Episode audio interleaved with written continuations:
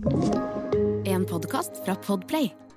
Eh, Det som er litt morsomt, da, jeg vil bare si det før vi kommer i gang, Eirik. Eh, Eller jeg skal gjøre Hei, eh, forresten. Hei, hei. Hei, hei. Eh, jo, bare litt sånn til dagens eh, episode. Ja. Det som var gøy, var at i går kveld eh, så satt jeg og så en gammel episode av, eh, av eh, The Grand Tour. Altså Clarkson og Ja, gjengen. ja, ja. Og da hadde de eh, sportsbiler eh, fra 80-tallet eh, som som på en måte, De har jo ikke tålt tidens tann hva gjelder uh, ytelse og sånne ting, men det var fortsatt det var gøy å se de bilene, for jeg husker de så godt. Mm. Ikke det at jeg er noe bilfrik, men jeg husker de veldig godt. Det var Ferrari Testarossa, og så var det Lamborghini, og vi klarte aldri å uh, finne ut hvordan vi egentlig skulle uttale det. Var det Contact, Contact, Contact, Contact Contash heter den. Uh, og det var liksom de ypperste bilene. Og jeg føler de passer veldig bra liksom, til dagens uh, tema her. Det gjør jo det. Altså, jeg har jo også den samme opplevelsen av å huske altså fra min oppvekst, som er noen år før der på 70-tallet, da, eh, at vi var veldig opptatt av det. Vi var opptatt både av sportsbiler, men også alle, alle slags biler. Privatbiler. Jeg hadde en kompis som satt i veikanten og noterte bilskilt, og det var jo ikke på landet, det var jo faktisk i en forstad i Bærum, ikke sant? Og, og tok bilder av biler som sto parkert. Litt creepy, ville vi sagt i dag. Men på 70-tallet var det for han var bilentusiast. Og det var vi alle. Det var litt sånn det var en sånn uskyldstid. Vi visste jo ikke hva biler gjør med klima og alt mulig sånn, og, og hvor mye de forurensa. Vi syntes bare det var gøy. Så jeg tenkte akkurat det samme. Da, og da vi fikk denne her, lille henvendelsen fra en av våre kjære lyttere, så tenkte jeg ok, dette ga meg, dette ga meg et sånn massivt uh, nostalgi-flashback. Jeg tenkte ja, men dette husker jeg jo. Mm. Dette er romkapsel, ikke langkjøring med Geir Skau. Two, one. When liftoff. One, two, three, four, five, five, four, three, two, one. Enter bed. Okay, we checked all four systems, and there you go on modulation, all four, and keying with a go. Quality base here. The Eagle has landed. Sånn, da har vi hørt vignetten som eh, seg hør og bør, og det er bare sånn greie som eh, må på plass. Eh, vi skal da altså ta for oss, og igjen tusen hjertelig takk til alle som kommer med innspill og, og gir oss inspirasjon og gode ideer her, altså. Og Terje Solberg, denne er til deg. Mm. Og så får vi håpe at det er flere som setter pris på det. Hei, dere glade. Ja, det er oss. Det er sant. Mhm. Kan dere gjøre et lite bilkortsegment? Skal vi bare stoppe der med en gang og si at Terje, du har hørt på oss. Blir lite, du, du, du blir ikke lite når særlig jeg setter i gang. Men ok, uh, ja. nok om det. La et segment er en, Segment blir det. er en relativ størrelse. Rett og slett sammenligne alle disse fantastiske maskinene som romrakettene er. Hvem er eller var høyest, tykkest, har, hadde mest trøst? Ja, dere forstår sikkert. Ja, det gjør vi. Det gjør vi. Men her sitter vi nå, da. Du litt grå i skjegget, jeg er veldig grå i håret. Og vi husker altså bilkort. Jeg husker bilkort veldig godt. Vi spilte altså, Ja. altså da, hadde, Jeg husker det var sånn at eh, du hadde et kort. Da var det bilde av eh, det, masse forskjellige. Eh, Jeg husker at det, det var jo noen selvfølgelig som var bedre enn andre. Men så skulle du da utfordre den du spilte mot, på en eller annen spesifikasjon. Eh, og så var det da om å gjøre å ha best. Nemlig. fikk- fikk ikke sant? Og jeg, jeg, jeg husker det også veldig godt. Jeg, husker, jeg, måtte, jeg måtte jo sånn friske opp minnet om, om reglene her. Og det var akkurat som du sier, dette her med at man fikk man, eh, vi, Du hadde en bunke med kort, du delte dem ut, og så satt du der med disse her forskjellige bilene. Og det var jo da biler som faktisk eksisterte. Det var ganske vanlig. Jeg husker i hvert fall fra, fra, fra min barndom da, at dette var biler som du så rundt deg. Altså, oh, ja. ja, vanlig. Det var helt vanlige personbiler, var det en god del av dem. Og så skulle du sammenligne, og så hadde du ulike, sånn, som du sier, sånn toppfart, akselerasjon, eh, vekt Ja, det var sånn det var sikkert Antall sånn- passasjerer. Ja.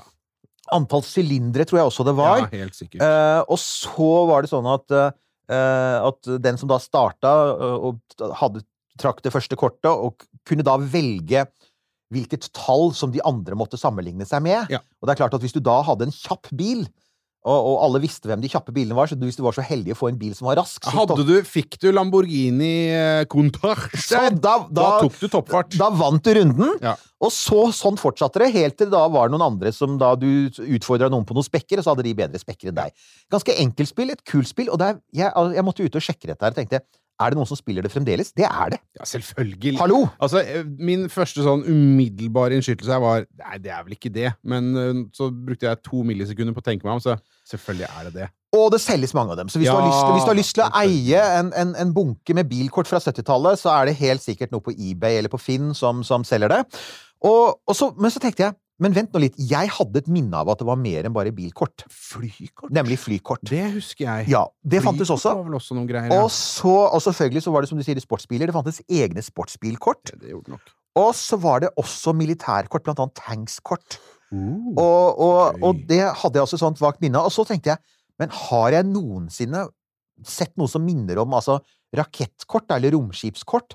Og det måtte jeg, der måtte jeg google litt, og jeg fant ikke noe, hvis noen av dere der ute husker det. Jeg, har ikke, jeg kan ikke huske det, og jeg har ikke greid å finne at det fantes, men jeg mistenker jo at i USA så veit vi at de hadde sånn collection cards, Ja, ja. så at det var samlekort med raketter på, men altså Ja. disse spillkortene, det har ikke jeg klart å finne. Det hadde jo vært veldig gøy. Her er det en idé til Det altså, er sant. Her er det en idé. Hva med å ta Altså, du kan ta romskip, da.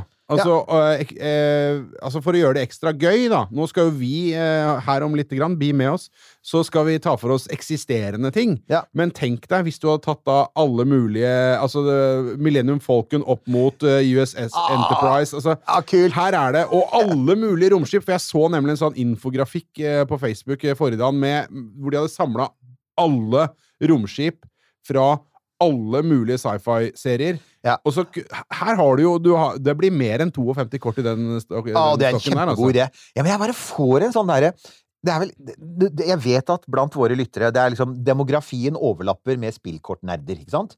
Og, og det har jeg veldig veldig stor respekt for, for jeg var det selv i sin tid. Eh, så hvis noen av dere kan huske på altså det, det du nevner der, det, det må da nesten være noen som har kommet på det også. Men det, for jeg har også sett sånne infografikker hvor du ser sånn, eh, sånn derre battlecruiser fra Star Wars sammenlignet med USS Enterprise, og, Ja, ja, ja. og som sier Millennium Falcon, og diverse andre sånne, sånne klassiske Imperial Star Destroyer mot Battlestar Galactica. Ikke sant? Ja, ikke sant? Ja, ja, ja, sånn Cylon-romskip og sånn. Men, jeg, men jeg syns altså, Terje, dette var et kjempekult forslag. Som du hører, dette her har trigga oss skikkelig. Um, det, det er noen utfordringer når det gjelder raketter. For det første, du kan, det, det har ikke noe hensikt å sammenligne på fart, fordi at alle raketter skal ha samme fart. Altså For å komme i lag jordbane, 27 000 km, enten det er Saturn 5 eller romferja eller det er Falcon 9, alle skal ha samme fart. Hvis Er du under der, så er du på en måte ikke ordentlig rakett. da, da er du ikke rakett, da faller du tilbake igjen. Og er du over, så flyr du til Mars. Men du kan si sånn toppfart gir egentlig ganske lite mening i en sånn rakettsammenheng. Akselerasjon litt av det samme, og litt sånn, sånn thrust, altså sånn skyvekraft. Nja, det, det er litt sånn avhengig av motorer og motorkonfigurasjon, så det, det jeg, jeg tenkte ok, jeg, gikk, jeg hentet fram liksom min indre 70-tallsunge, da. Tenkte jeg, ok, hvis jeg hadde eh, hatt en bunke med rakettkort på 70-tallet, hva, hva ville Men du bare hør på det ordet, hvor fint det flyr, og rakettkort. Ja, ja, rakettkort! Altså, sånn. Hva, ville, hva ville vært viktig? Jo, selvfølgelig høyden, for det er liksom størrelsen.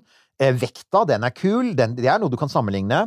Eh, og så kan du, også er det altså når, det, når det først ble skutt opp, når det sist ble skutt opp, da har du et par tall der du kan leke med. Antall oppskytninger. Ja, Altså, den er jo Den er signifikant, føler jeg. Ja. Og så, har jeg, altså, så er det selvfølgelig sånne ting som brennstoff, og det er jo ikke egentlig et tall, men der er det litt igjen med sånn derre Det er litt som sylindere i bil. altså ikke sant, Hvor mye punch har du?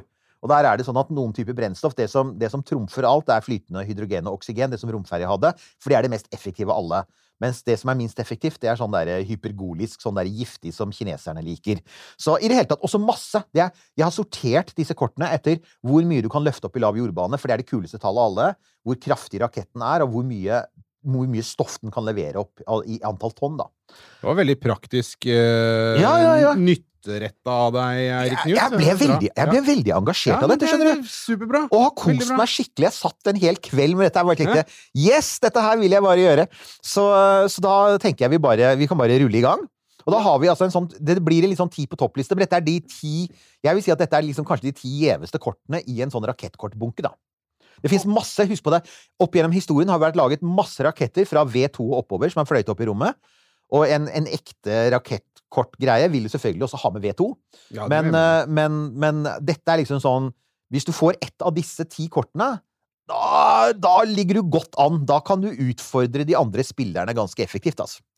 Og vi begynner. På tiendeplass Ja. Falcon 9. Vår gamle kjenning. Den Ja. har vi snakket mye om. Den er fremdeles veldig aktiv. I aller høyeste grad. Ja. Uh, så skal vi kanskje la være, for det er så mye å si, Men la, la oss eh, ikke snakke om på en måte sjefen til Falken Nei, nei, kan droppe. nå, for det, det, blir, det blir rett og slett for komplisert. Hold dere unna Twitter, folkens. Ja, finn noe annet å bruke tida på. Ok, eh, her har vi da altså Falcon eh, 9. Den er 71 meter eh, høy. Veier og, og her kommer det en sånn greie som jeg syns er fascinerende. At, at det, det, for det er så mye. Den er så høy! Altså, jeg har jo sett et landa førstetrinn av Falcon 9 i California i den derre eh, og, og, og det, du, du tror ikke hvor diger den raketten er før du ser den. 71 meter er en kjempehøy rakett, som du vil se når vi kommer lenger ned i lista. 549 tonn. Ja. Det er også veldig mye vekt. Det er det, altså. Første gang opp 2010. Og siste gang eh, Det er nå for det noen er dager nå- 22. Det skjer jo hele tida. Uh, antall oppslutninger 180 so far. Ja. Eh, Kanskje det er 181 nå. Jeg lurer på om det var en i går. Jeg, Kommer litt altså, an på når du hører denne episoden. Ja. Uh, hører du denne episoden uh, en stund etter at den ble spilt inn, for den blir jo spilt inn nå, Mhm. eh, så er det oppe i 240.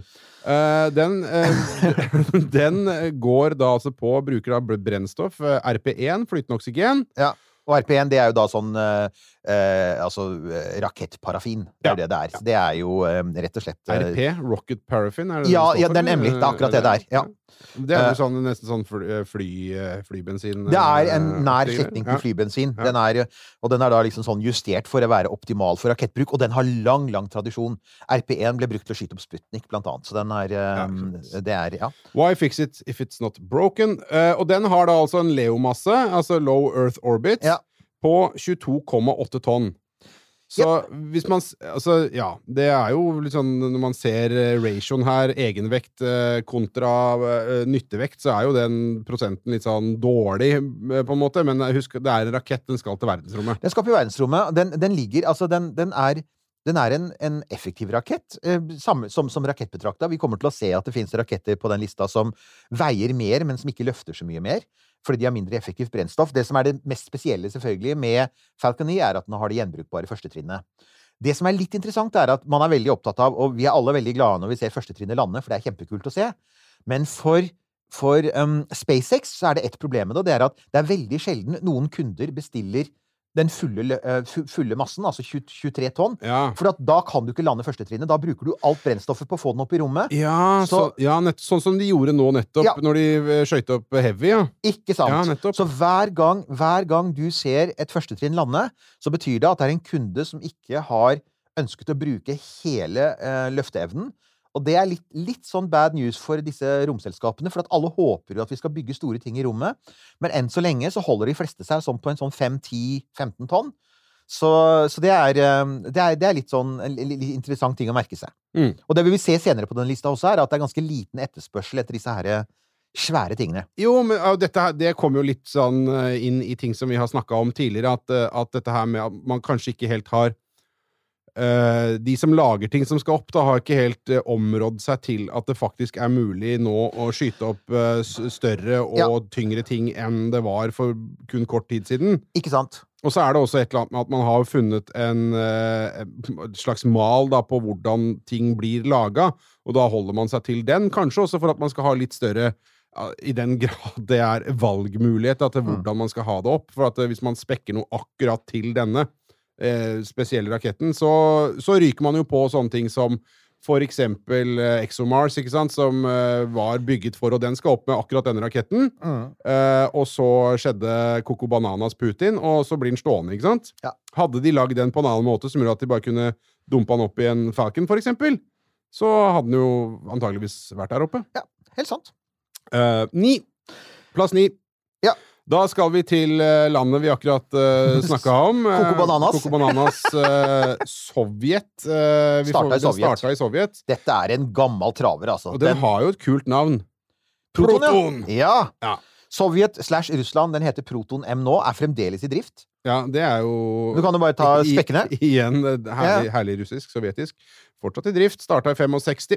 Uh, høyde, den er 58,2 meter. Der ser du med en gang. Mye Ja. lavere. Eh, 705 tonn. Den veier mer, da. Den veier mer. Uh, de bruker vel noe granitt og noe greier, og Ja. støpejern for å lage den. Uh, først, eh, som sagt, skutt opp i 1965.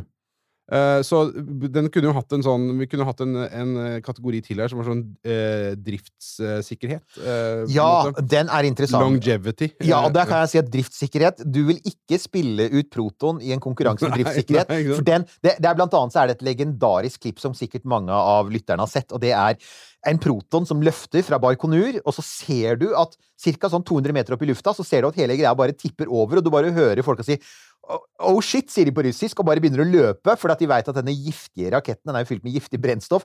Og så styrer raketten rett ned i bakken og lager en sånn pen, liten eh, soppsky og et stort krater.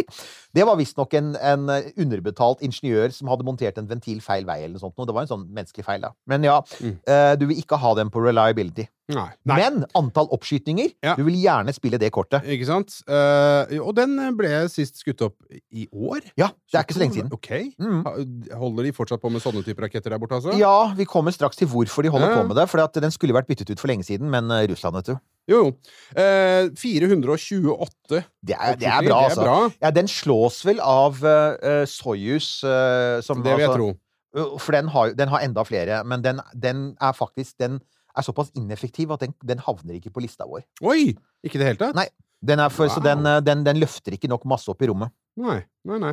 Uh, og som du da nevnte, uh, brennstoff. Nå Ja. har jeg, jeg har øvd på dette her. Dinitrogen tetroksid og UDMH, usymmetrisk dimetylhydrasin. Og når det står hydrasin et sted, så bør du vite at da bør du ta på deg hazmat-suiten din, maske, eh, trippel lag med gummihansker, og helst holde deg unna, fordi hydrasin er kjent for å være ganske giftig og skadelig og kreftfremkallende og det ene med det andre. Eh, Du kan faktisk se det under oppskyting, for at røyken blir oransje.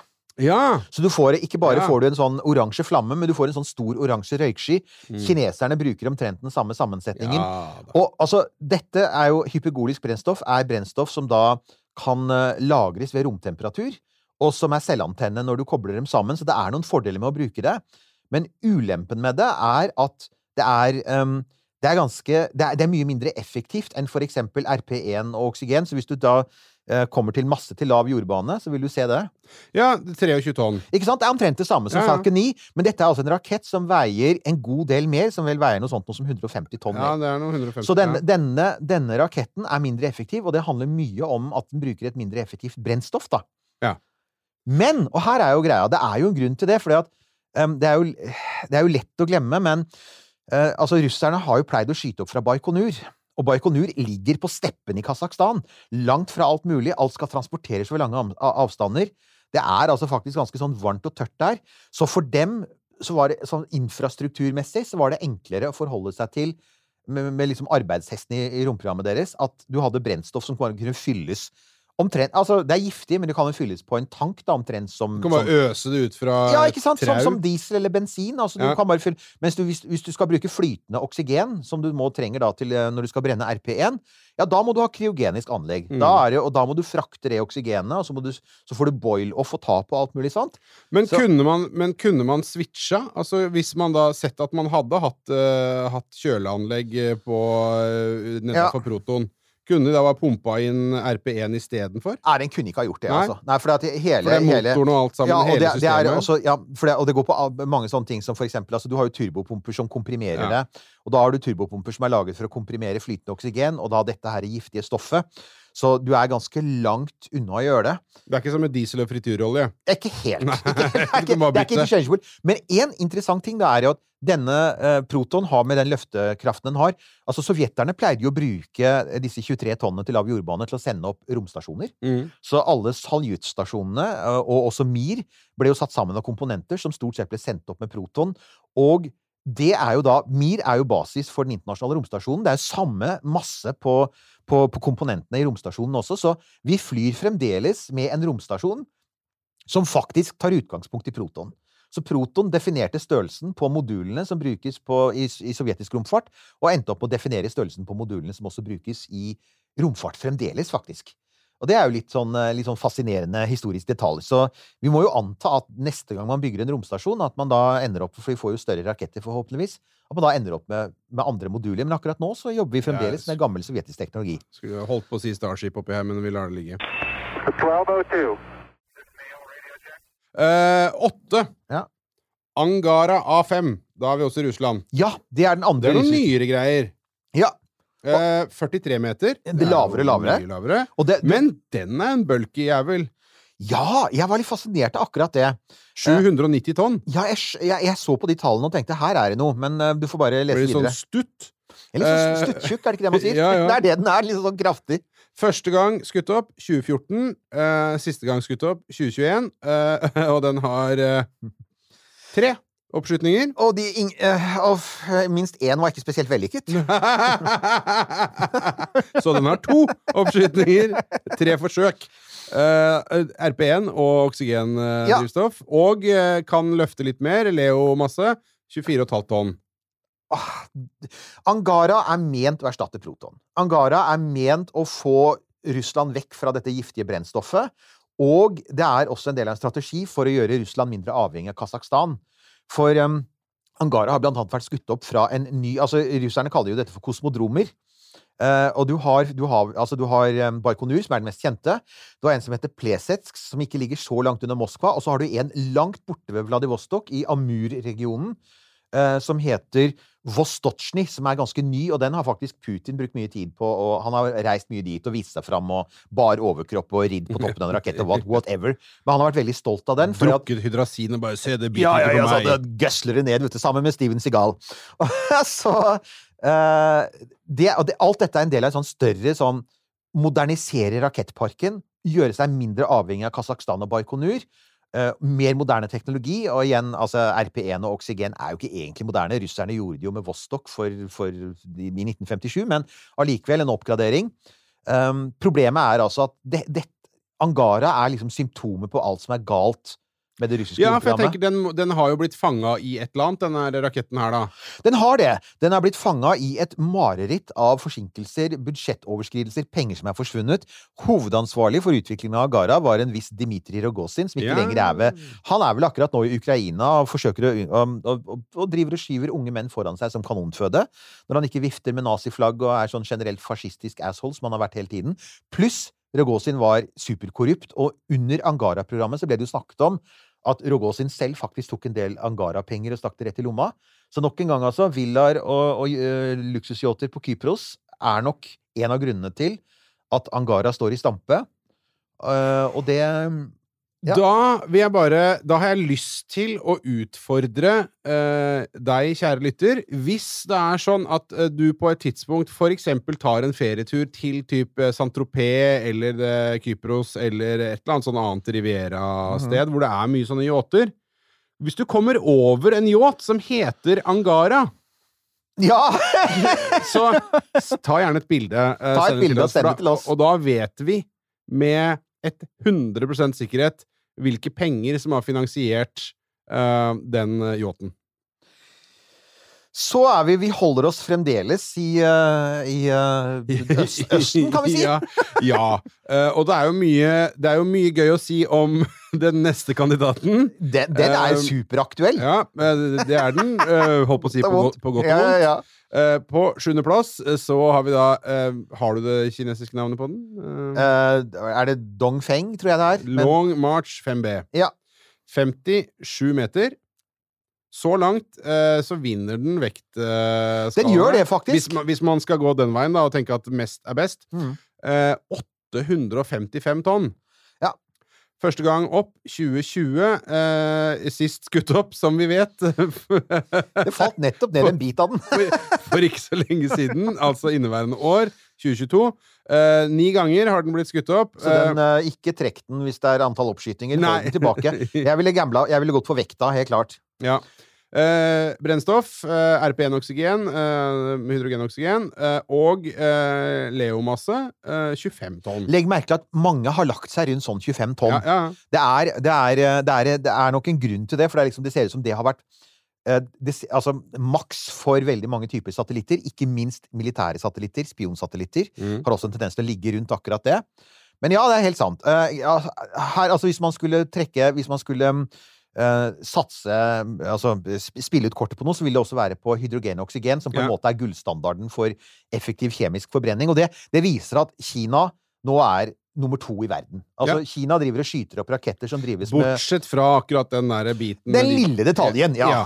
Men de driver altså, de har såkalte hydrolox, eh, eller hydrogen-oksygen-rakettmotorer, og, og Long March 5B har vært, den har vært effektiv, den har, den har vært pålitelig.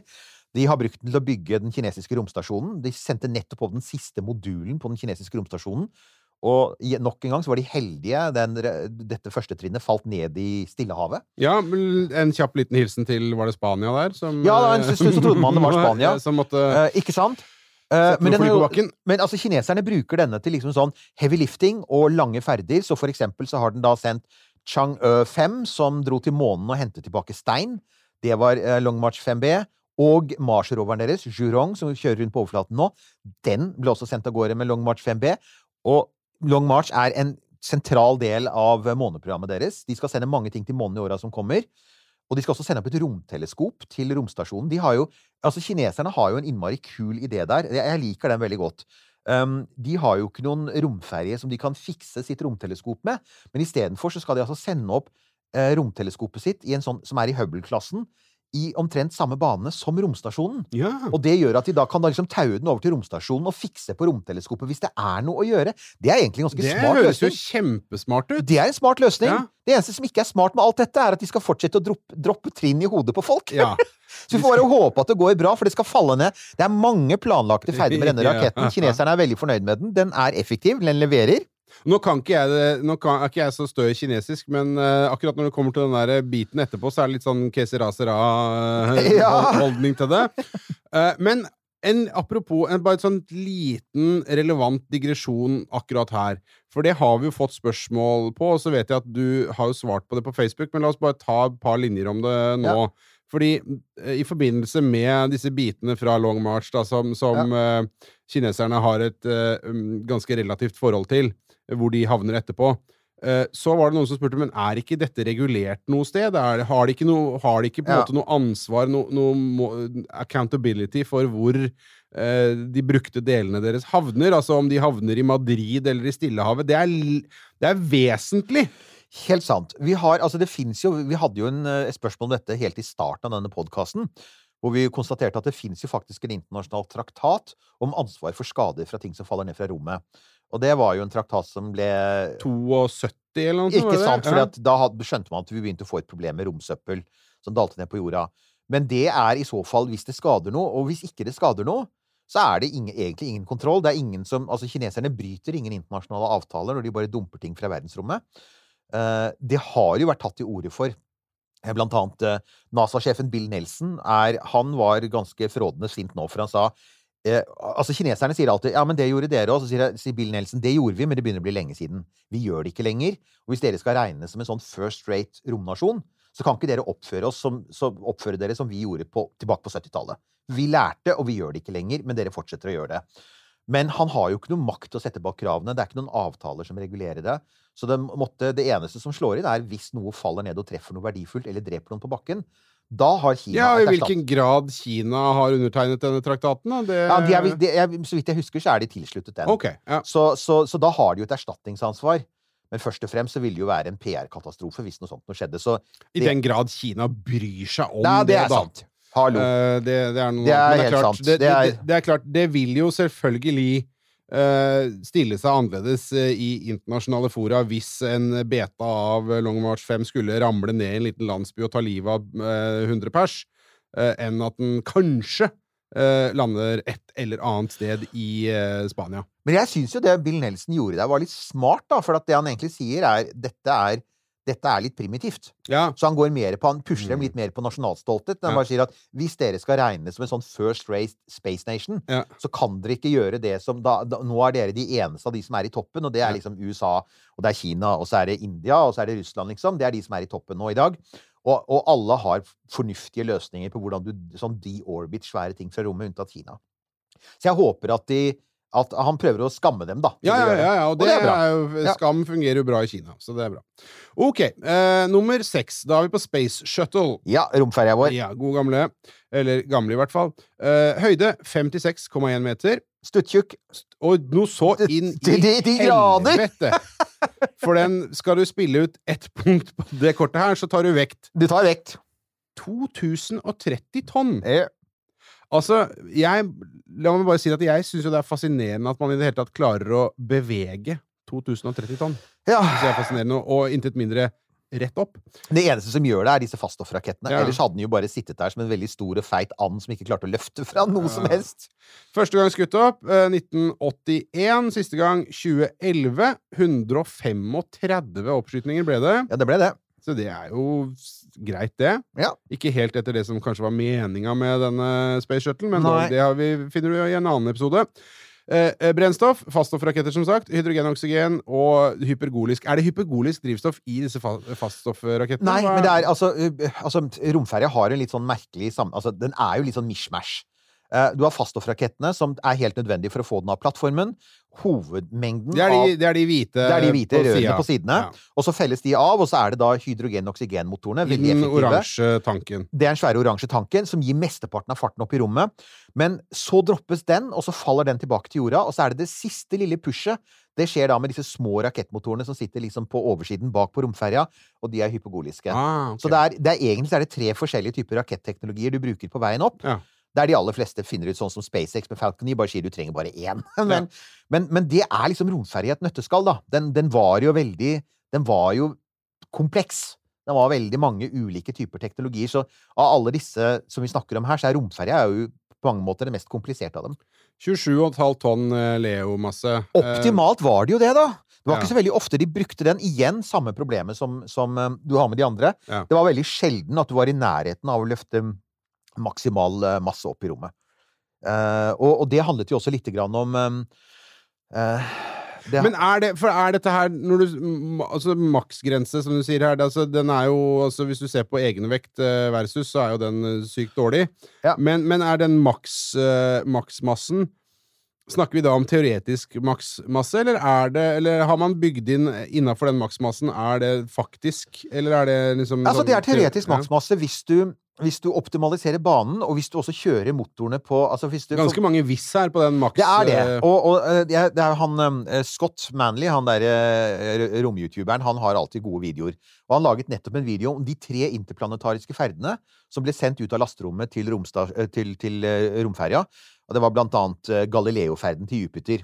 Og det han sier, er at for, for å gjennomføre noen av disse ferdene, for å få dem til å komme seg raskt til de ytre planetene, så vurderte man å kjøre på et sånt maks-scenario med å eh, gi romferja maks effekt, og da måtte altså motorene gønnes på med 109 under store deler av oppskytingen. Og det belaster jo da motorene mer enn man ellers ville gjøre. Men, men NASA hadde flere situasjoner hvor de vurderte å gå så nær opp til som mulig.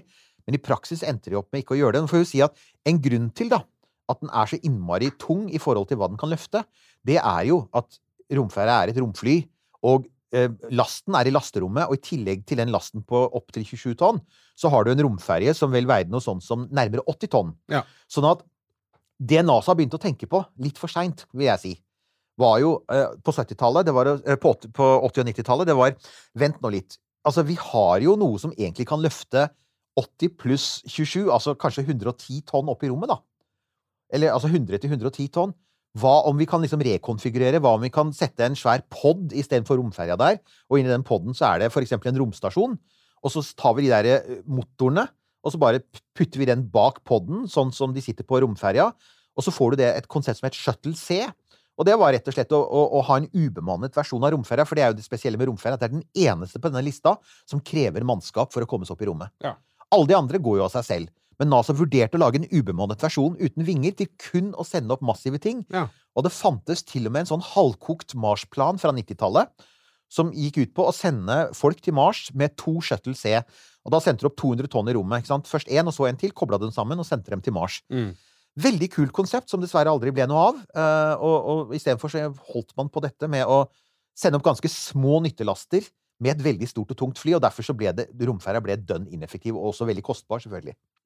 Eh, ikke minst. Da er vi halvveis. Da eh, skal vi til eh, femteplass. Dette her må jeg bare si, denne her, det er litt sånn der, For romnerder så er dette her en sånn liten Litt doldis, men den er, den er verdt å, å, å nevne. Delta 4 Heavy. Ja. Eh, 72 meter. ja. 733 tonn. Første gang skutt opp eh, 2004, og siste gang i år, 2022. Ja. Ikke så lenge siden. Eh, antall oppskytninger er 14. Eh, flytende hydrogen, oksygen er drivstoffet. Og god eh, masse til eh, low Earth orbit. Oh, yeah. 28 tonn. Og det er noen der ute Vi kan vel ikke si hva de heter, for da kommer de og dreper oss, men det er noen amerikanske agencies som har veldig stor nytte av dette. Eh, dette her, Delta, er en, er en amerikansk rakettfamilie som i likhet med Proton og Soyuz har veldig lange aner. Delta-raketter bygde man helt tilbake på 60-tallet. Og det er samme som Atlas er en annen amerikansk eh, familie som også går rakettfamilie tilbake til 50- og 60-tallet. Eh, dette her er da en videreutvikling, og det er da United Launch Alliance, dette her eh, store lobbyist, Boeing, alle de store folka i aerospace som da har dette selskapet, som videreutviklet den klassiske Delta-raketten. Og de har da Den er veldig lett å kjenne igjen, for den består av et rør i midten, og så to veldig store rør på sidene, men det er ikke faststoffrør. Det er tre rør proppfylle av hydrogen og oksygen, og det gjør at du får, du får løfta ganske mye med tanke på massen. Um, den er skreddersydd for å skyte opp spionsatellitter. Og du vil da se og tunge spionsatellitter. Ja. Og vi veit jo ikke hvordan de ser ut, men vi mistenker jo at mange av spionsatellittene ser ut som en avansert versjon av romteleskopet som peker nedover. ikke sant? Veldig store speil, veldig store antenner. Enten det er de tar bilder, eller det er radar, eller det er radio um, uh, Du, Ja? fader, en ting som slår meg nå. Tenk på all den gøye teknologien som de driver og skyter opp uh, i sånne spionsatellitter som ingen vet noe om. Yes! uh, og som eh, man definitivt ikke bør sniffe rundt etter. Men ja, det er helt sant. Uh, interessant nok, da, så er det jo også sånn at de er ganske flinke til å de er ganske, fli- selv om disse satellittene er ganske store, så er de ganske flinke til å skjule utseendet på dem. For det lar seg jo gjøre å fotografere satellitter fra bakken. Tas for, eksempel, så, for noen dager siden så ble det sluppet en ganske fin liten videosnutt av den kinesiske romstasjonen, tatt av en amatør på bakken. Oh. Og den viser veldig tydelig hvordan den ser ut. Den viser komponentene, og du ser at det er en romstasjon. Du ser ikke tilsvarende bilder av noen av disse her svære, tunge spionsatellittene som, som da Delta 4 Heavy skyter, brukes til å skyte opp. Men så kommer vi da til det som gjør at dette her er en Altså, det, det er visstnok bare to ferder igjen. Eh, Så skal den pensjoneres, og så er det da Vulcan-raketten, som blant annet skal bruke motorer utviklet av Jeff Bezos sitt romselskap, som har vært veldig forsinka. Ah, Eh, nå leveres de første, de første motorene til Vulcan-raketten til ULA, eh, som skal bli den nye sånn standardraketten for det amerikanske forsvaret utover i dette tiåret, er nå levert til ULA, og de skal begynne å teste den, og de håper på å skyte opp den første Vulcan i begynnelsen av neste år. Eh, men i mellomtiden så er det Delta 4 Heavy de har, og den har én ting som gjør neste gang det er en oppskyting av Delta 4 Heavy, så bør dere følge med, for det er noe som skjer idet den skytes opp. Dette er en rakett som setter fyr på seg selv. Og det er ikke tull engang. Du ser at den skal starte opp, og rett før den letter, så er det boff, så ser du en stor ildkule rundt den, og du tror at den holder på å eksplodere. Det det er, er- det, er, det, er, altså, det det skyldes, er at uh, disse rakettmotorene som den bruker, er en forenklet utgave av uh, hydrogen- og oksygenmotorene til romferja. De heter RS-25 på romferja. Disse her heter RS-68. Og denne, en, av, en av konsekvensene av forenklingen er at rett før man skyter opp, så kommer det, strømmer hydrogen fra hydrogentankene i disse rakettrinnene gjennom motoren inn i trykkammeret, og så lekker en del hydrogen ut av selve dysene. Og hydrogen er lett, så det stiger opp og danner en sky rundt raketten. Og når du da tenner raketten, så er det en sky av hydrogen rundt raketten som antennes, og du får en sånn, sånn flammeblaff. Og igjen, du tror det skal eksplodere, men raketten er konstruert for å tåle å bli svidd av hydrogen. Jeg vet ikke hvor så Det blir ikke kulere enn det! Nei, ok, her, to ting, tenker jeg. Uh, for det første, ok, uh, amerikanske forsvaret uh, De lager jo mye ting som ser kult ut. Det gjør de. Og da tenker jeg, her har de jo lagt på litt ekstra fyrverkeri for at det bare skal Ja. se innmari tøft ut med en sånn rakett som kommer ut av ei ildkule. så det er det ene. Det andre er første gangen de testa dette. Ja, nei, det er et veldig godt poeng. Da Altså, var det mange folk som blei blå i fjeset. ja, ja, ja, Vil jeg anta. Altså, du, du, skal, du skal passe Ok, der eksploderte det. Gikk det eller gikk det ikke bra? Ja, ja, ja. Boom! Ja, det gikk det Det går bra. Nei, så det er eh, Det er, eh, det, det, er sånn Når man skal se på rakettoppskytinger, så de aller fleste rakettoppskytinger er blitt sånn rutine. For eksempel Falcon 9. Det er alltid kult å se det, men det er jo landingen som er gøy, egentlig. Ja, ja. For det eneste usikkerhetsmomentet nå er går det bra med landingen. Men selv det er blitt rutine. Men den der, dette er litt sånn old school. Det er nesten som den der svære fyrstikken som russerne bruker til å tenne på Soyuz-rakettene med, som de fremdeles bruker den lange trepinnen. Ja. Dette er litt sånn old school. Ja, nei, vi tar og, vi tar og lar det eksplodere litt før Ja. vi ja. Ja, ja, det må til. Få det på. Få noen flames og noen explosions. Det er bra. Eh, plass nummer fire. Og nå begynner det endelig å ta litt av her, for at nå har vi ligget veldig sånn rundt 25 tonn opp i lav jordbane. ja, ja, ja, Nå skjer det ting. Hvis det er lov å si the pun intended, da, eller på noen tar av her. Ja, ja, ja. Ja. Eh, fi- nummer fire, Falcon Heavy. Mhm. 70 meter. Uh, den veier 1420 tonn. Første gang skutt opp 2018. Siste gang inneværende år, 2022. Ikke så lenge siden det heller. Det er bare noen dager siden. Ja, det er jo ikke så lenge siden. Nei. Ja, for det husker jeg det ble snakka om i og Det var vi jo inne på når vi snakka om Folken Falcon 9 her, at eh, når vi da er på heavy, så er det dette mellomtrinnet som dumpes, og det lander ikke tilbake. Litt, normalt gjør det ikke det. Du kan faktisk lande alle tre, men da får du ikke noe særlig igjen for å bruke den svære raketten. Nei. Så Fire ganger har den vært skutt opp. Uh, RP1 oksygen bruker den, og så vinner den jo så langt Ja. på uh, masse til uh, low Earth orbit. det er det. Du skal helt 57 klart tonn. 57 tonn. Dette er kortet du bør spille Altså, her bør du spille på Du kan ta det på høyden, for det er samme som Falcon 9, men eh, 57 tonn er, er jo den Det er den største løftekapasiteten som eh, noen eksisterende bærerakett har. Altså, det er jo i praksis det dobbelte av det neste på lista. Og dette var jo da den ble skutt opp første gang i 2018. Det er, er sikkert mange her som husker det. Det var kjempegøy. Den, den, den eh, letta jo, og alle røp rundt og hylte, og Elon Musk røp rundt og, som en, og, og, og skrek og danset og hoppet fordi at det faktisk fungerte. Det var da han sendte Teslaen sin til Mars. Ja, ja, Det er de fantastiske ja, ja, videoene av Starman i bane rundt jorda. Det var et veldig flott show.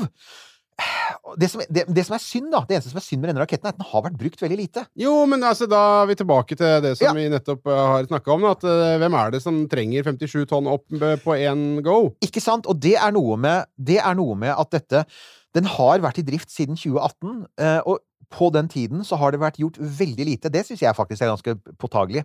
Den har vært nevnt veldig lite av Elon Musk selv. Han har vært veldig opptatt av Starship. Ja, du, Og det er altså, jeg har jo Jeg hisser jo på meg folk når jeg sier at Elon Musk er lett å distrahere, men det er det. Han distraherer seg selv, og akkurat nå er han distrahert av Twitter. Men når det gjelder romfart, så har Jeg mener at dette er, et- dette er et fantastisk rakett som han har undersolgt. 57 tonn til lav jordbane er massivt.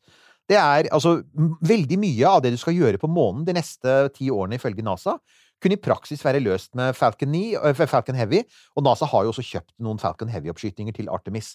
Men sant å si, eh, den er jo altså faktisk bare den, den, den, den kryper nesten opp mot det du skal ha på, på, på Artemis til månen. eh, på, på SLS til månen. Så jeg, jeg tenker at her, her er det noen tapte muligheter, og her jeg, jeg, tenker Tenk om, eh, tenk om Elon Musk hadde snakket litt mindre om Starship og litt mer om denne raketten, og hva man kunne bruke den til. Tenk hva vi da kunne ha skutt opp, eksempel til Mars. Ja, altså, for det er, jo, det er jo det som Det er det som jeg kjenner at eh, jeg stusser over akkurat nå, er jo det Hvorfor har ikke denne blitt brukt mer? Hvorfor Ja. har ikke Uh, denne blitt brukt uh, hva, hva, hva er problemet? Det må jo være et problem et eller annet sted. Ja, det så- er, altså, det er det, det er, jeg stusser veldig over det. Altså, vi, vi hadde jo den sendingen for ikke så lenge siden med Nima, hvor Ja. vi snakket om alt som skal gjøres på Mars. Og vi veit at, at det er masse sånn Du skal bygge en kjemisk fabrikk for å lage brennstoff, du skal bygge habitater, du skal lage landingsplass, og du skal utforske områder, og du skal lete etter vann og masse sånne ting. Det er, det er sånn som må gjøres før planene om å sende mennesker til Mars kan bli en realitet. Sånn som det ser ut nå, så ser det ut som Starship skal gjøre alt dette.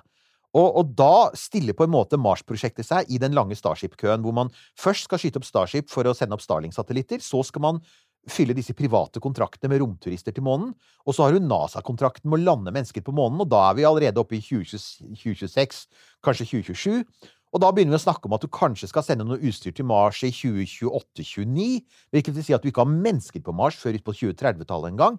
Men poenget er at altså, Falcon Heavy kan sende 17 tonn til Mars. Og 17 tonn kan du gjøre masse med. Så jeg har virkelig stusset over hvorfor ikke SpaceX for lenge siden begynte å si OK, da sender vi én ferd, for Falcon Heavy er jo mye billigere enn andre raketter. Koster jo en brøkdel av SLS, for eksempel. Hvorfor, hvorfor setter vi ikke bare sammen en pakke da, som vi lander på Mars, så får vi testa ut denne teknologien som vi veit at vi må teste ut? Er det noen Og, og det er jo en ting som overrasker er meg. tapt eh, mulighet. Ja, det er det jeg tenker, og, og, og det som, som er, overrasker meg gang på gang, da. eh, Når eh, fornuftige mennesker, altså tilsynelatende fornuftige mennesker, eh, skal samles om et eller annet produkt, eller hva nå det måtte være, en eller annen plan, et eller annet prosjekt, så eh, på et eller annet tidspunkt så tenker jeg hallo, her er det noen som har glemt å si at keiseren er naken. Altså Ja. at, det, at man ikke tør å si at Når man sitter der og ser seg blind på eh, denne Tintin-raketten, uh, Starship, og dette, dette må vi bare få til, dette må funke, her Mm. ligger enorme stakes uh, inni det. Og så står på en måte Heavy der på sida og vinker. og, Hei, hva med meg, da? Med Vet du hva Heavy kunne ha vært? Og så er det ingen som Men sant? kunne vi ikke bare brukt den vi allerede, som vi vet? eh, Ikke sant? Og dette, dette har jo historien lært oss. Fordi at altså, du hadde jo i, i- i USA på 60-tallet, når de skulle til månen, så hadde Werner von Braun, nå er han nevnt, og teamet hans hadde Saturn 5. Så hadde du team som jobbet med Apollo-kapselen, og du hadde team som jobbet med månelandingsfartøyet. Men så måtte du også lære opp astronautene til å lære metoder og teste ut teknologier for å få til det de skulle på månen, og da hadde du Gemini-programmet. Og Gemini-programmet har vi jo snakket om, det var et fantastisk program, men det skulle ikke til månen, det var NASA klart på. Det var et midlertidig prosjekt for å, å, å, lære hvordan man reiser til månen. Mm. Så, så ja, Falcon Heavy kunne ha vært Gemini-programmet til. Mars-prosjektet. Ja, ja. Alle vet at altså, den typen raketter kan ikke bygge noen koloni på Mars, det skjønner vi. Men på samme måte, Gemini kunne ikke ha reist til månen. Så NASA skjønte dette på 60-tallet, at for å lære hvordan du dokker i rommet, hvordan du romvandrer, hvordan du navigerer, hvordan du tester ut nye romdrakter, navigasjonssystem, disse her sånne der, eh, enhetene med sånne små rakettdyser på ryggen så du kunne fly rundt i rommet med. Alle disse tingene, det lærte man med Gemini, og dette er noe som faktisk SpaceX har mista i bakken. Så vi er, de er de, For øyeblikket, som vi sa i denne sendingen med Nima, for øyeblikket har vi ingenting. Det fins ikke noe infrastruktur som, testet, infrastruktur som er testet. Det er masse konsepter som skal, som skal fungere på Mars, som ingen ennå vet om vil fungere, og, og de som kunne ha gjort det, er Falcon Heavy. Så det er tapt mulighet. Og jeg tror litt sånn distraksjon. Han, eh, han, vår venn eh, Elon han er litt glad i det siste og det blankeste. Det er sånn shiny. Og Starship er utvilsomt shiny. Den er jo bokstavelig talt blankt. Og så har han glemt denne fantastiske eh, raketten som eh, Jo, men og det er noe, det er noe Ok, han der virra der, han gjør sikkert det greit nok, men det må jo være noen andre som husker det. Det må jo være noen Ja. andre som tenker at 'hei, hva med denne?' Og hvorfor er det ikke da noen som sier 'hallo'? mm. Jeg tror Det har nok også vært litt sånn markedsforvirring, for nå har det vært snakk om så lenge om at uh, Ja, ja, altså, altså For eksempel, da, hvis du skal ta en beslutning om å sende noe tungt opp i rommet, og, og så er det Det er egentlig ett firma som skal levere produktet. Det er, det er SpaceX. Og SpaceX står der, og sjefen i SpaceX sier eh, du kan, få, du, kan, du kan basere deg på altså for Romfartskontrakter er mange år inn i fremtiden. ikke sant? Hvis du skal sende opp noe i rommet, så er det gjerne fire-fem år før du faktisk sendes opp, at du bestiller raketten. Og hvis det da står en fyr der og sier, en sjef der og sier jo, jo, vi har denne raketten som kan sende opp eh, 60 tonn i rommet, men vi har en kommende rakett som er mye billigere og mer effektiv, som kan sende opp 100 tonn til mye lavere pris. Da bestiller ikke du den raketten til 60 tonn, som koster mye mer. Du, da venter du jo heller. Så det er litt som når, når firmaer lanserer produkter, ikke sant? At, at nå kommer det snart et produkt som er billigere og bedre. Så ja, ok, da venter jeg, da. Da, da, da kjøper jo ikke jeg en, en, en dyrere og dårligere løsning når lederen i selskapet står og sier ja, men nå kommer det snart en billigere og bedre versjon. Så det er litt den effekten også, tror jeg. altså. Jo, den kjøper jeg hvis det er, hvis det er snakk om en TV eller en vaskemaskin vaskemaskin eller et eller annet sånt noe. Uh, du venter til Black Friday, på en måte, og så Ja. kjøper du det da. Men, men eh, Nei, jeg, den der, der skjønner jeg ikke helt. Når, når du har, når du har for da, Fordi at eh, han har jo ikke Starship. Nei, den fins jo ikke ennå, og vi veit jo ikke om den kommer til å bli så bra som han sier. Det, det, det gjenstår å se. Altså, det kan Det er, at veldig, det er et veldig stort forbehold der.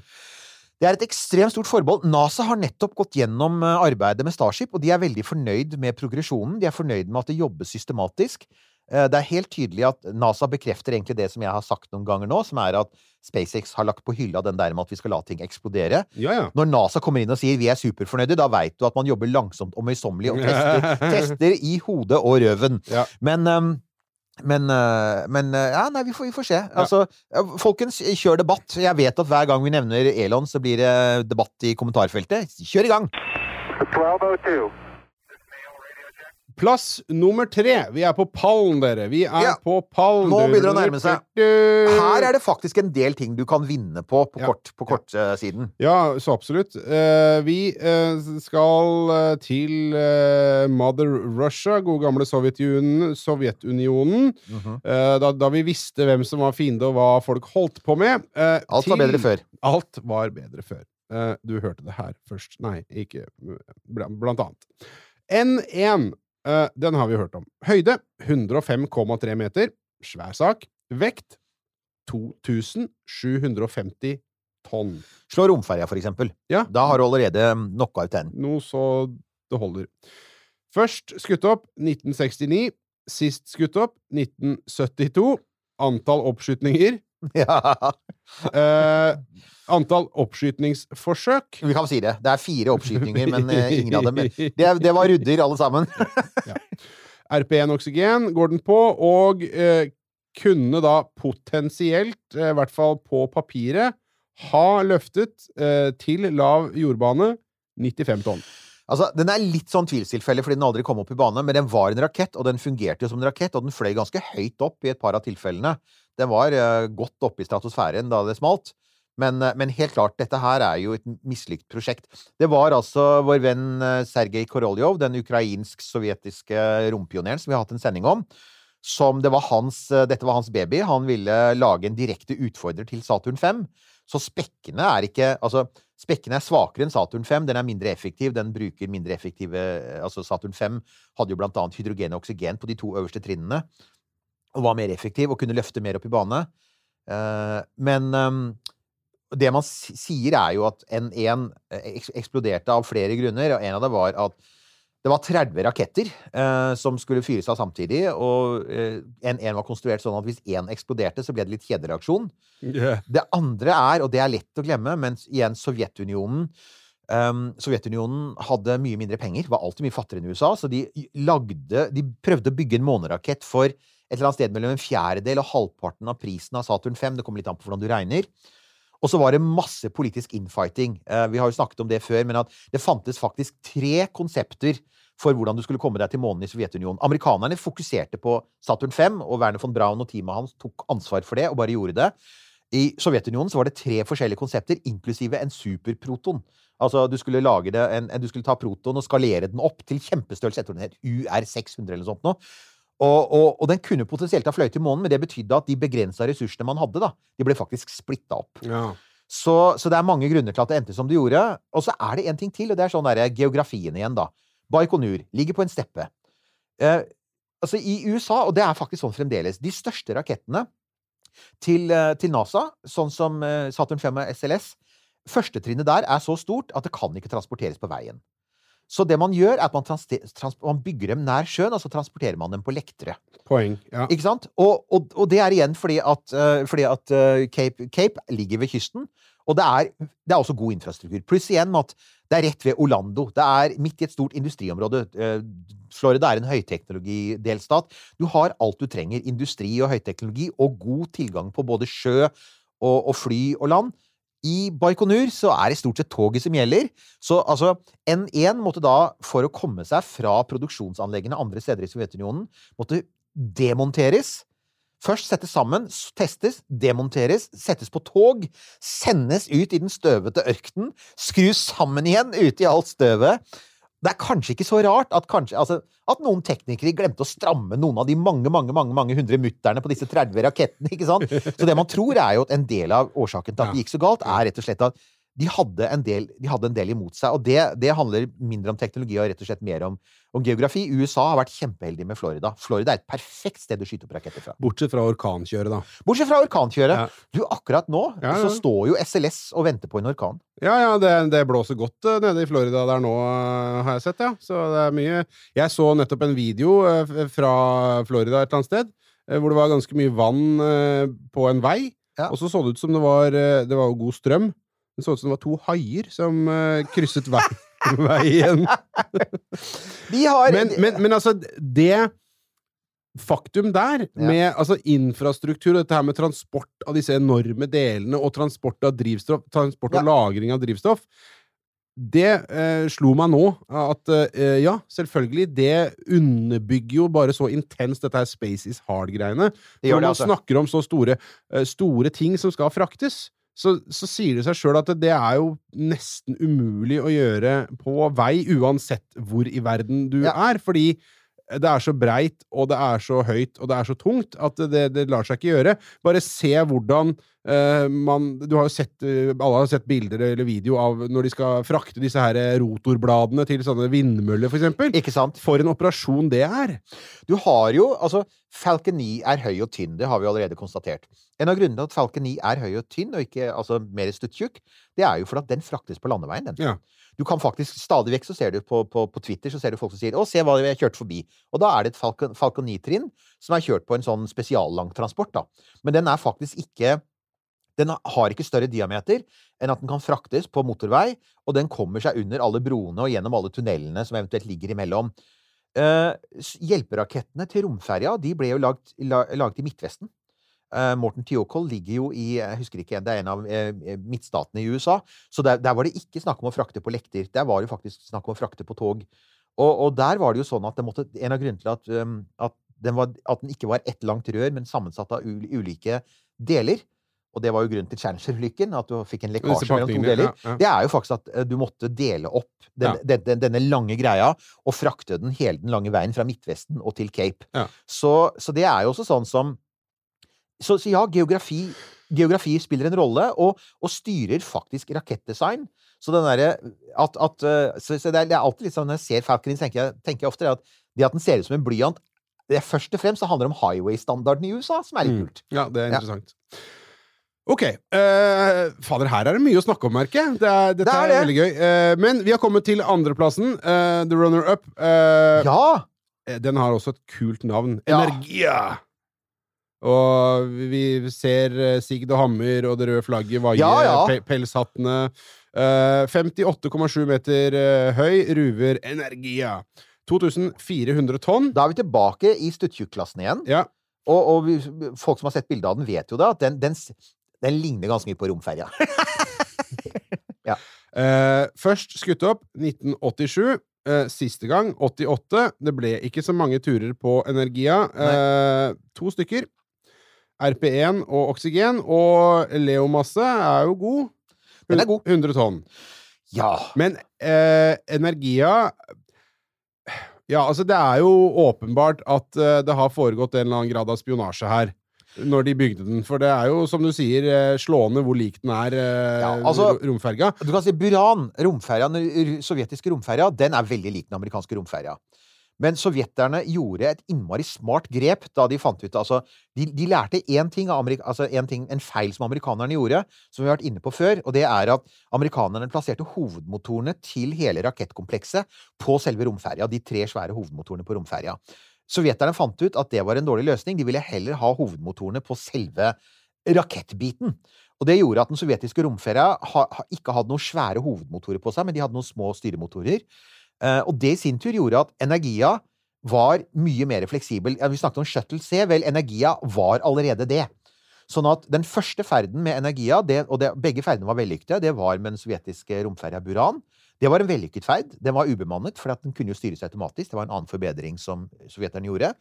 Den andre var med en 80 tonn tung romstasjon som het Polyos, og som vi vet lite om, men vi vet at den var militær. Og det er helt på slutten av den kalde krigen så finner da Gorbatsjov, fredsfyrsten, ut at du skal sende opp en kampstasjon i rommet som veier 80 tonn, Ja. som er en gigantisk romstasjonssegment sammenlignet med det vi har vært vant til å se seinere. Uh, Energia fungerte som den skulle, mens Paul Joss, da den skulle skytes opp i bane, så var det nok en gang en ingeniør eller sånt noe, som, eller en tekniker som hadde montert en eller annen form for relé eller bryter feil, fordi at den, den pekte 180 grader feil. Så istedenfor å skyve seg selv opp i rommet, så skjøv den seg selv ned i Stillehavet. Ja. Så, så heldigvis, vil jeg si. Jeg, vanligvis er ikke jeg glad for at uh, ting som skal opp i rommet, havner i havet, men dette var militært, og jeg syns det var helt greit.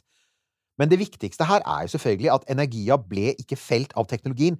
Alle er enige om at Energia var et godt konsept. Ja. Det var gjennomtenkt, det Altså- var smart, det var en forbedring av det amerikanske. Det var pengemangel. Ja, så igjen så er det admin egentlig som ødela for denne her, som man har sett flere ganger i russisk historie. Dette har vi altså. sett flere ganger i russisk historie. Det, vi vet det var mye diskusjon i Russland tidlig på 90-tallet. Etter at Sovjetunionen ble oppløst og, og Boris Jeltsin overtok, så var det mye diskusjon av hvordan de hadde stor pengemangel.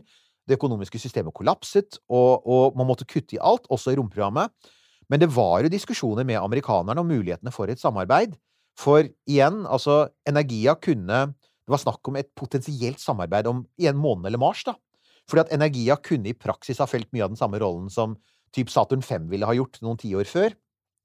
Dessverre så ble ikke det noe av, og Energia ble bare parkert, og teknologien er nå glemt. Men konseptet, det var, eh, det var grunnleggende bra. Mm. Og altså igjen, når vi tenker på sånn fra en sånn kortgreie eh, Masse til lav jordbane, helt klart en vinner. Eh, bruttovekta er en vinner, og ja, jeg ville ikke gått for høyden, og absolutt ikke på antall oppskytinger. Nei, for det eh, Da har vi vel kommet til eh, førsteplassen, og Ikke veldig overraskende, kanskje. Nei, det er jo ikke overraskende at den eh, har gått av med førsteplassen. Vunnet, fått den fortjent. Sitter du med denne i bunken, Ja. sitter du med denne, denne her på hånda, kortet, så så- vinner du de fleste kategorier i rakettspillet. Ja. Som sa selvfølgelig er førsteplassen. Bam, bam, bam, Saturn 5. Ferdig snakka. Werner von Brahms mesterverk. Ja. 110,6 meter høy, så den vinner jo definitivt uh, eh, overalt på høyde. Uh, 2900 tonn. Ja. Den vinner på vekt. Det gjør den. Uh, første gang skutt opp 1967. Siste gang 1973. Eh, 13 ganger. 13 ganger, så det, det, er, det er ikke et sterkt. Det vinner den jo ikke på. Eh, RP1 oksygen, hydrogen-oksygen på den, og masse til lav jordbane. Der vinner den jo. Du legger alltid Får du Saturn 5, så går du alltid for masse til lav jordbane. Ja. Da er du bankers. 140 tonn. Ja. En ting som slår meg her nå mm. uh, Hvorfor, og dette her har jeg helt sikkert spurt om før Hvorfor har man ikke inntatt den derre 'if it's not broken, why fix it'-holdningen, og bare fortsatt å bruke Saturn 5? Ja, helt enig. Det er en, ta, igjen tapt mulighet. Det er litt Altså, NASA gjorde på 1970-tallet litt slik jeg ser det, den samme feilen som SpaceX har gjort med Falcon Heavy. Du har en fungerende, eksisterende teknologi som du velger å droppe til fordel for den neste glitzy tingen.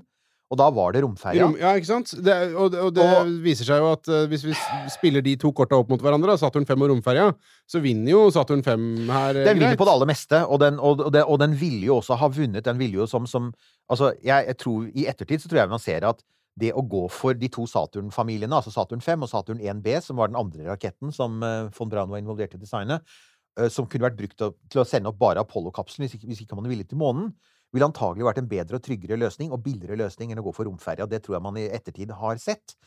Og, og jeg, jeg er litt for, det er derfor jeg også er litt forundret over den sånn manglende sånn historiske lærdommen som trekkes av For det er i dag kan man si, det er anerkjent at det er en, var historisk feilgrep av NASA å gå for en teknologi de helt har skrinlagt, og hvor de nå går tilbake til en Saturn 5-aktig rakett som heter SLS, Ja. istedenfor bare å beholde denne teknologien. Den var under forbedring. På 70-tallet så var man jo i gang med å oppgradere Saturn 5, så den hadde jo potensial til å bli enda mye mer effektiv. Og den var innmari pålitelig. Ja, den, den, den gjorde jobben. Jeg gjorde, gjorde bare et kjapt lite søk her nå, for det var en ting som, eh, som, som slo meg. Eh, Saturn 5 kunne man eh, Den ble bygget, ikke sant, i ja, la, la oss si Det tok jo litt tid å, å bygge den, men la oss si at den da ble bygget og, ferdig da på siste halvdel av 60-tallet. Mm -hmm. uh, og ble bare brukt da noen år, ikke sant, fram Ja. til 73. Til sammenligning, uten sammenligning for øvrig, Mm. men bare konseptet her eh, F-16, mm. flyet, jagerflyet F-16, som på en måte fremdeles er en del av det norske og mange andre lands luftforsvar, Og som ukrainerne har våte drømmer om. Bare sånn ble bygget eh, Eller første prototypen fløy Ja. i 1974. Ja, der ser du. Ja. Og det flyet har jo blitt, eh, som de kaller det, retrograda. Mange ganger. Nå skal altså, I 2020 altså, Da er det en år, noen år siden det ble bestemt, men altså, nå skal jo det utfases til fordel for dette F-35-flyet. Mm. Eh, men igjen, da, ved å gjøre noen grep, ved å modernisere en del ting i dette flyet, så har jo det en, en eh, flight record som er Det er jo fader meg begynner å pusher 50 år. Og det fungerer godt, og man bytter ut altså, viktig teknologi, Mm. men, men skallet er det samme. Hvorfor kunne man ikke gjort det med Saturn 5? Helt enig. Eh, og det er jo mange som har på altså, Du sier F-16 er et godt eksempel. Boeing 737. Det er verdens mest populære trafikkflymodell. Eh, bare noen uker siden jeg var på en jobb, og da satt jeg i en 737, og så tenkte jeg dette flyet her ble jo først designa på 1960-tallet, ikke sant? Og en del av designproblemene man har hatt med det, er fordi at så mye av designet er sånn legacy fra 1960-tallet, blant annet dette her med at flyet er ganske lavt over bakken, fordi det skulle brukes på en del flyplasser som ikke hadde sånne moderne terminalbygg. Og så tenker jeg ja, men jøss, det er jo ganske imponerende, da. For det er, altså, de snakker om et fly som begynner å nærme seg 60 års alder, og fremdeles er utrolig viktig og i full drift, og oppgraderes hele tiden og følges opp. Og så tenkte jeg, jeg er helt enig med deg, hvorfor i all verden lærer ikke rombransjen av det? Og hvorfor lærte ikke SpaceX, når de da hadde denne Falcon Heavy-raketten, hvorfor lærte de ikke av den feilen som NASA gjorde, med å droppe teknologi til fordel for noe helt annet, som viste seg å ikke levere? Og det er jo det, det, er det alle store frykt er, selvfølgelig. Og vi kommer nå straks til dette, selvfølgelig. Nå er vi ferdig med, med de ti på lista. Vi skal til boblerne. Vi må nesten det, fordi at mens vi Altså, når vi tar opp dette, så er det sannsynligvis bare noen dager til SLS skal skytes opp av NASA. Og det er sannsynligvis bare noen uker, hvis vi skal tro Elon Musk, da. Det er jo da et spørsmål når det gjelder oppskytinger. Men han sier at det er sannsynlig at dette skjer. Dette tas opp i november. Han sier at det ikke er usannsynlig at vi får en prøveoppskyting i Det desember. desember ja. Så det vil si at vi antagelig bare er uker unna at både SLS og Starship skytes opp for første gang. Og derfor så får vi ta dem med på lista som sånn Altså, vi vet jo ikke åssen det går med dem. Vi får anta at de kommer seg opp. Og i så fall så kan vi si at i tilfelle du hører dette etter, en stund etterpå, så kan du se hvor vi plasserte dem på lista. Mm. Da, vi får ta Starship først. ja. La oss ta Starship, da. Eh, 120 meter. Den vinner. Den vinner, og den vinner greit. Og den vinner greit på vekt òg, altså. 5000 tonn! 5000 tonn, vet du! Og så på det meste andre så er det en del spørsmålstegn Ja. her. Uh, metan eh, Metanoksygen ja. slår RPE-oksygen, Ja. men slår ikke hydrogenoksygen, for det er enda mer Ja, effektivt. så der, ja. Ja eh, og så er det da 100 pluss tonn til Ja, her er jo da eh, det, Dette er en sånn ting som jeg måtte undersøke litt ekstra. Fordi du ser litt varierende tall for hvor mye Starship skal kunne løfte opp i rommet. Men, men dette er hentet fra SpaceX sin egen side, så vi får ta det derfra. Det er ikke fra Wikipedia, for å si det sånn. De sier 100 tonn pluss. Ok, da forholder vi oss til det. Men det vil si at hvis du skal rangere det etter masse til lav jordbane, Mm. så ender faktisk ikke Starship på førsteplass, men på andreplass, delt andreplass med sovjetiske Energia. Ja, og så har vi jo nettopp lært hvor uh, suksessrik eh, det Ja. prosjektet var. Eh, la oss eh, ikke dvele for mye ved det. La oss bare heie på Starship. Det kan vi gjøre. Og så er det jo en ting til som sier Men vent nå litt. 100 tonn opp i lav jordbane. 5000 tonn, og så har du 2900 tonn på Saturn 5, Ja. og 140 tonn i lav jordbane. Hvordan i verden blir det sånn? Det er selvfølgelig fordi at Starship er 100 gjenbrukbart. Ja. Det er fordi at du skal, du skal ta vare på masse brennstoff, både til å lande første trinnet og annet trinnet. Og det brennstoffet du må ha i tanken for å kunne lande tilbake på jorda igjen, det er brennstoff du ikke kan bruke til nyttelast. Det fins jo uh, de- Altså, Så på vei opp så er det dauvekt. ja, SpaceX har jo sagt at det er mulig å se for seg eh, altså rene som bare løfter opp masse ute og lander igjen på jorda. Da stiger jo den kapasiteten dramatisk. Da snakker vi fort 150-200 tonn til lav jordbane. Så det er, det er potensielt mulig. Men der vi er nå, så er det så, er det, eh, så snakker man rundt 100 tonn, og så er tanken at det skal være fullstendig gjenbrukbarhet som da skal gjøre dette lønnsomt. Så får vi se om det går. Ja, det gjenstår å se. Men det kjenner jeg, det blir spennende, altså. Det blir fy faen. Ja, ja, det, og det blir en utrolig Oi, oi, oi. spektakulær oppskyting. Det blir jo den største, kraftigste oppskytingen noensinne. Det er jo da så tross alt Ja, for her nå? Er det 33 rakettmotorer, og så er det 6 på andre trinnet? 39 til sammen er vel det siste tallet jeg så. Men igjen, det varierer jo litt, avhengig av um, om uh, Elon har tatt pillene sine eller ikke. Neida. Men, uh, men, vi, men vi, sånn 33 rakettmotorer skal tennes samtidig, og det er kraftige motorer. Så det blir gøy å se. Ja, det Men det som Mm. antagelig kommer før Starship, da Ja. SLS. Ja. Eh, har vi jo venta litt på. Den har vi venta på. Uh, ja. eh, eh, 98 meter. Er Høy og fin, jo. Det, er, det skal sies. Eh, Den, eh, du kan spille den der. Du kan også spille den på vekt. Ja, 2600 tonn. Uh, så er det mange spørsmålstegn her Ja. når det blir. Vi får håpe når det har liksom slutta å blåse for ille bort på Cape der, så ser vi hva som skjer. Eh, hydrogen, oksygen og, faststoffraketter, og kan eh, løfte 95 tonn til lav jordbane. Den, den nåværende konfigurasjonen kan det. Ja. Det, er jo, det er jo snakk om å bygge et trinn som kan løfte nærmere Saturn 5. Altså 100, 130, kanskje opp mot 140 tonn til månen. Altså i lav jordbane, og, og 45 tonn til månen. Men det spørs jo om Kongressen bevilger penger til det. Og det jeg har en sterk følelse av nå, er at NASA sitter og teller litt på knappene, for de har allerede Starship under utvikling som de betaler for. Ja.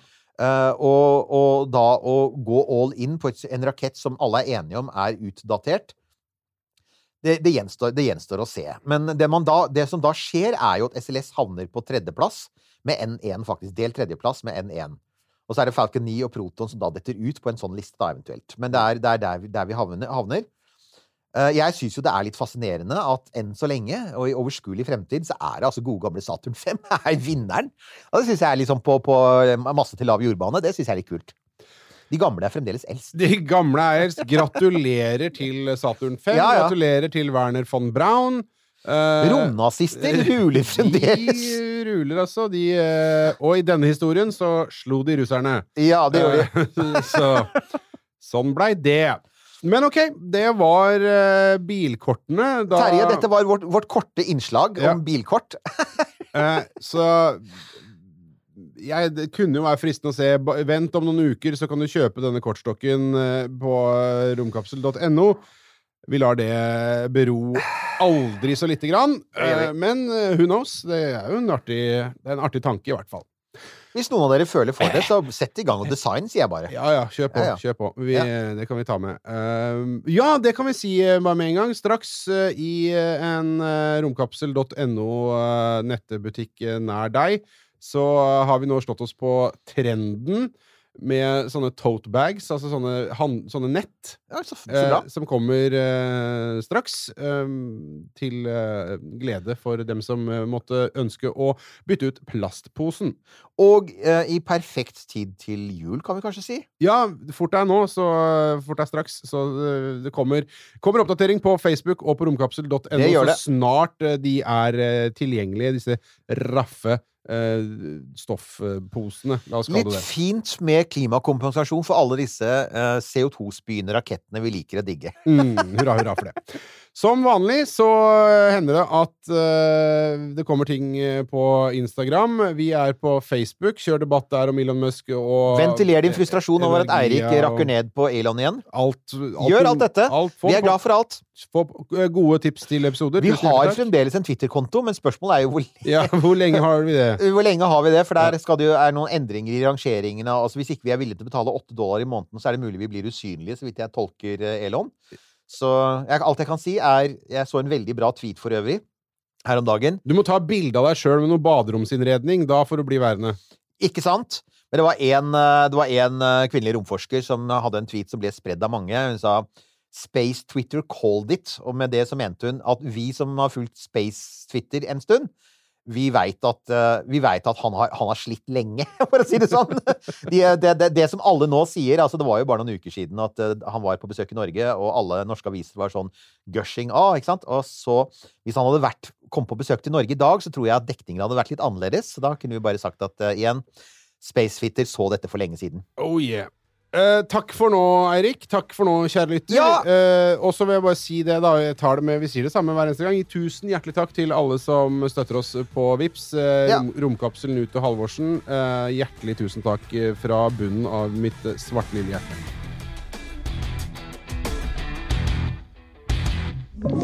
Du har hørt en podkast fra Podplay. En enklere måte å høre podkast på. Last ned appen Podplay, eller se podplay.no.